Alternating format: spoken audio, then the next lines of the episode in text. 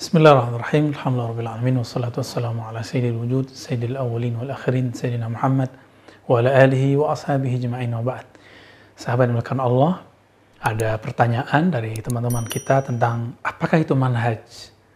Nah, ini memang sering menjadi masalah di kalangan beberapa penggiat dakwah ataupun yang sedang asik belajar ngaji atau yang baru hijrah, apa itu manhaj. Misalnya ada orang ngomong, oh itu Ustadz tidak semanhaj dengan saya, oh itu jamaah tidak semanhaj dengan saya. Apa arti manhaj sebenarnya? Sahabat yang Allah, manhaj itu dalam bahasa Arab disebut masdar. Kata yang diderivasi dari kata nahaja haju, manhajan atau minhajan. Ya. E, di dalam Al-Quran, surah Al-Ma'idah itu ada, Allah menyebut, e, bagi setiap kaum kami e, ciptakan, kami jadikan syira'atan wa minhaja. Itu ada kalimatnya syari, bagi setiap uh, masa kaum ada syariat, ada minhaj. Jadi Al-Quran hanya menyebutkan kata minhaj. Adapun manhaj ini istilah yang sebenarnya baru, uh, artinya sama dengan mazhab. Apa arti mazhab? Itulah arti manhaj. Namun belakangan istilah manhaj uh, lebih dikhususkan untuk persoalan yang berkaitan dengan sistem berpikir. Jadi kalau disebut uh, bermanhaj sufi. Berarti sistem berpikirnya berdasarkan epistemologi para sufi. Uh, sistem-sistem pendidikan sufi. Uh, kalau disebut uh, manhatnya salafi, berarti dia punya sistem berpikir ala salafi. Namun kemudian ada orang kemudian mengatakan manhajku inilah manhajnya ulama terdahulu. Nah, sehingga terkesan manhaj itu cuma satu Apakah manhaj itu cuma satu? Teman-teman yang melakukan Allah, jika manhaj itu cuma satu, maka tidak mungkin muncul banyak mazhab. Oke, kita berdamai dengan istilah manhaj adalah sistem berpikir. Jika itu sistem berpikir, bukankah sistem berpikir Imam Abu Hanifah yang Imam Salafus Soleh wafat tahun 150 Hijriah, pasti salaf karena abad kedua Hijriah, itu berbeda dengan Imam Malik, ulama Madinah yang wafat tahun 178 Hijriah atau 179. Lalu kemudian berbeda lagi dengan muridnya eh, Imam Syafi'i yang lahir di masa Imam Abu Hanifah wafat dan uh, wafat di tahun 204 Hijriah. Lalu berbeda lagi dengan beberapa imam-imam yang lain setelahnya. Dan semuanya bermanhaj uh, salaf. Jadi mereka adalah ulama-ulama salaf tapi ternyata manhaj salaf bukanlah satu model. Dan ini yang harus diluruskan bahwa manhaj salaf bukanlah satu saja. Manhaj salaf banyak. Contoh, manhaj Imam Abu Hanifah, beliau membuat porsi untuk kias lebih besar daripada yang lain. Berbeda dengan Imam Ahmad. Imam Ahmad manhajnya adalah memberi porsi untuk riwayat dengan periwayatan hadis, asar, lebih banyak daripada kias analog, analog pemikiran. Kenapa terjadi begitu? Karena secara uh, geologis, geografis, dan sosiologis semuanya menentukan. Abu Hanifah tinggal di kota yang merupakan sisa konflik politik dari abad pertama Hijriah, yaitu tempat uh, pusat pemerintahan terakhir Sayyidina Ali rahmatullah alaihi wa radiyallahu ta'ala anhu wa karamallahu wajha. Sayyidina Ali radhiyallahu taala anhu beliau uh, menjadikan tempat itu sebagai pusat terakhir ketika berperang perang Siffin dengan Sayyidina Muawiyah.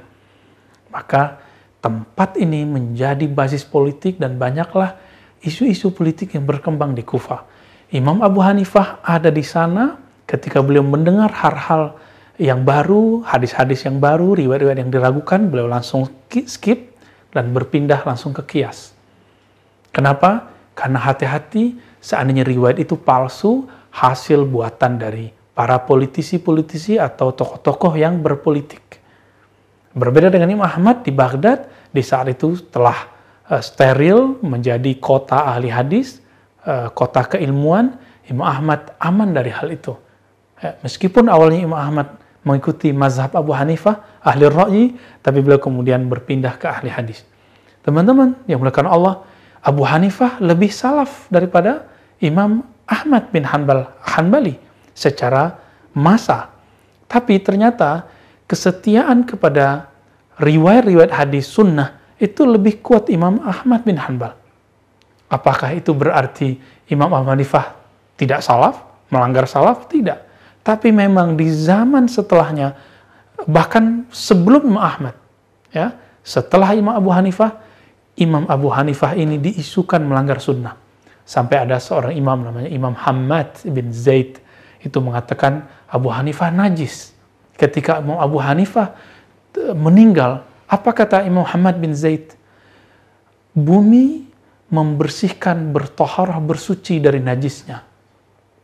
Ahmad bin Zaid adalah pakar hadis, tapi dia mendengarkan kabar hoax tentang Imam Abu Hanifah.